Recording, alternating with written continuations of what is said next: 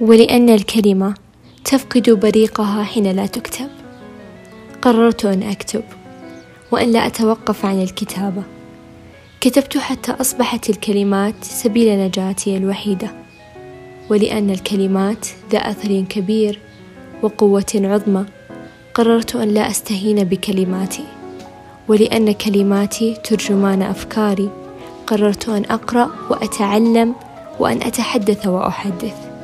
في بودكاست كلمة أشارككم أفكاري وآرائي.